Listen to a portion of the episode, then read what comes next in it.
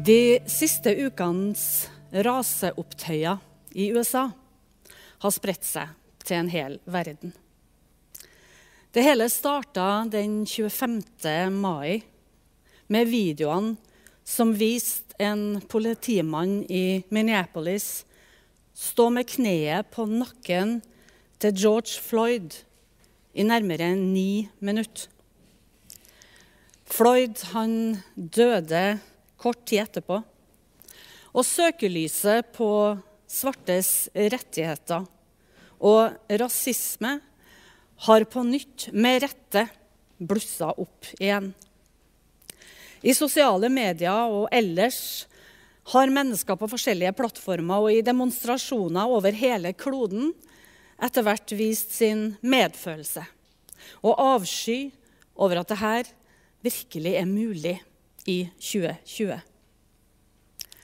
Nobelprisvinner, forfatter og holocaust-overlevende Elie Wiesel han sa det er ikke hatet som er kjærlighetens verste fiende, men det er likegyldigheten. Derfor gir det meg på en måte håp når jeg ser at mennesker reiser seg opp mot rasisme, urettferdighet og demonstrativt vise at alle mennesker har lik verdi, uavhengig av rase, kjønn, sosial status osv. Det har alltid fascinert meg når jeg leser Bibelen, at den beskriver nettopp så mange forskjellige mennesker, kulturer, farger og situasjoner. Det gjelder både Det gamle og Det nye testamentet. Dessverre så har menneskers handlinger opp gjennom historien dessverre til tider med Bibelen i hånda ført til grusomheter uten sidestykke. Nazistene gjennomførte masseutryddelsen av Europas jøder med Gud med oss på beltespennene på uniformene.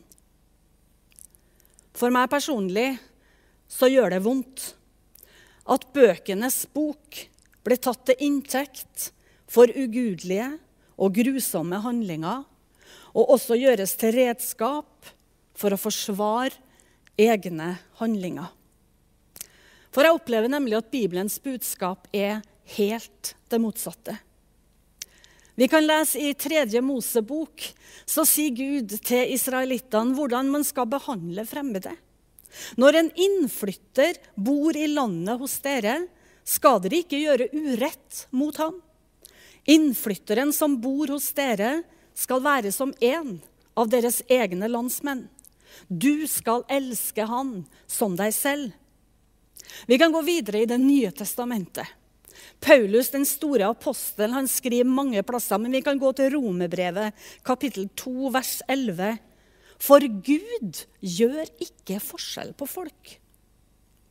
Og For meg så står det i dyp kontrast til alt det som Jesus lærer oss å si gjennom alle evangeliene, kan vi lese at han viser oss at alle mennesker, absolutt alle mennesker, har lik verdi.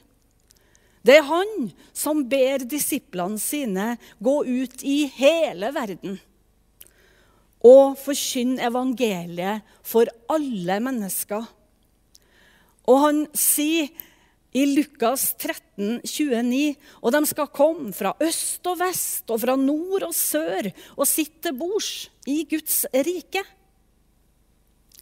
Jesus sjøl levde radikalt og det ble ofte bemerka at han spiste sammen med og var sammen med dem som var utafor, det som beregnes som verstingene eller tollere og syndere, som det står. Mennesker som ingen andre ville ha noe med å gjøre.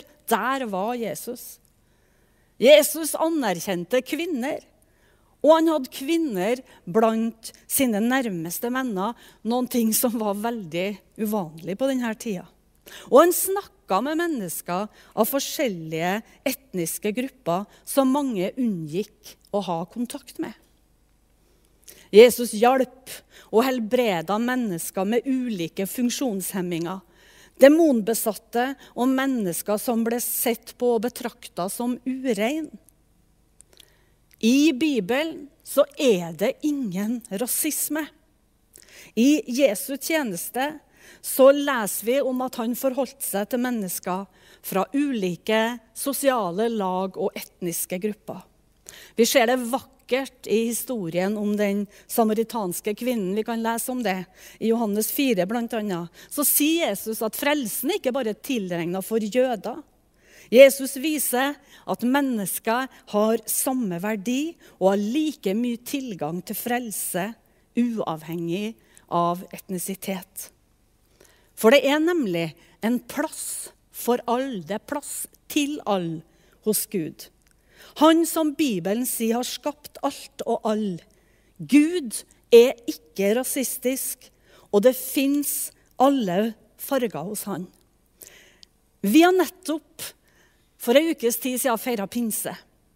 Høytida da Den hellige ånd ble gitt til apostlene og alle dem som var samla på den øvre salen i Jerusalem. Kirkehistoria starta og vi som etterfølgere av Jesus opplever å få styrke og kraft av den samme Hellige Ånd til å dele de gode nyhetene om at Jesus, han lever, og han er her. Ja, apostelen Peter han står fram på pinsedagen, og så siterer han fra den gamle boka, Joels bok i Gamle testamentet. Vi kan lese om det i Apostelens gjerninger 2, 17. I de siste dager skal det skje at jeg øser ut min ånd over alle mennesker. Deres sønner og døtre skal, tale, skal profetere, de unge skal se syn, og de gamle skal drømme drømmer. Bibelen er full av historier om menn og om kvinner som hadde falt utafor systemet, som var annerledes, men som fikk oppreisning og menneskeverdet satt på plass ved at de møtte en Gud som så, som hørte, som tok dem på alvor, og som elska dem sånn som de var. Og historia fortsetter også i nyere tid. William Wilberforce han var medlem av det britiske parlamentet på slutten av 1700-tallet og begynnelsen av 1800-tallet. Han var en veldig viktig brikke i kampen om å få på plass forbudet mot slavehandelen. Og han retta det forslaget i mange år. Han henta sin inspirasjon til kampen mot slaveriet nettopp i Bibelen. Det sies om ham at han fant et arsenal av teologisk skyts som godt lot seg forene med, prinsipp, med prinsippene om frihet, likhet og brorskap. Paulus skriver dette f.eks. til menigheten i Galatia noen tiår etter Jesu død og oppstandelse. I Galaterbrevet 3, 28. Her er ikke jøde eller greker. Her er ikke slave eller fri. Her er ikke mann eller kvinne. Dere er alle én i Kristus Jesus. Det hadde vært på plass med et lite halleluja her. 29. juli i 1933 så døde William Wilberforce. Tre dager tidligere så fikk han beskjeden som han hadde venta på og kjempa for i nesten hele sitt voksne liv. Loven som forbød slavehold i det britiske imperiet, hadde fått flertall. Det kristne menneskesynet forteller oss at vi alle, absolutt alle, er elska av Gud. At vi er unike og har en uendelig verdi. Og slaveri er en dyp, dyp krenkelse av menneskeverdet. Amazing Grace er en salme du kanskje har hørt. Det skulle ikke undre meg.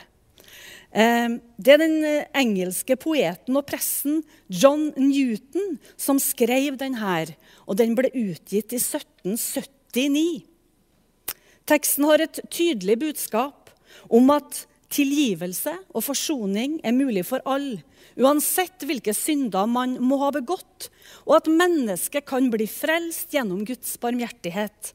Det gjør sangen til en av den, den mest sugne sangen, ikke bare i kirka, men utover hele verden. Og John Newton han skrev denne sangen ut ifra en egen personlig erfaring. Han vokste opp uten noen spesiell religiøs tilknytning, sies det. Og livet hans ble prega av mange faktorer.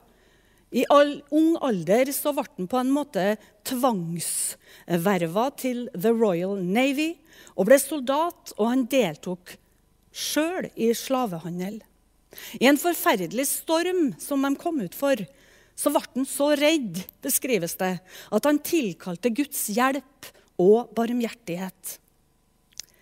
Dette var begynnelsen til John Newtons egen omvendelse. Han sier sjøl at han begynte straks å lese i Bibelen, og det før han nådde hjem til de britiske øyene, hvor han slutta seg til det grunnleggende i den kristne troen. Og ikke lenge etterpå så skrev han den fantastiske sangen 'Amazing Grace'. I en av versene så heter det I once was lost, but now I'm found. Was blind, but now I see. Jeg var fortapt, nå er jeg funnet. Jeg var blind, men nå ser jeg. Vet du, John Newton han fant plassen sin. Plassen som var der for han, like ved Guds hjerte. Og jeg har gode nyheter til deg. Den plassen fins for alle mennesker. Den fins for deg, og den fins for meg. Det er en plass for oss alle ved Guds hjerte akkurat sånn som vi er.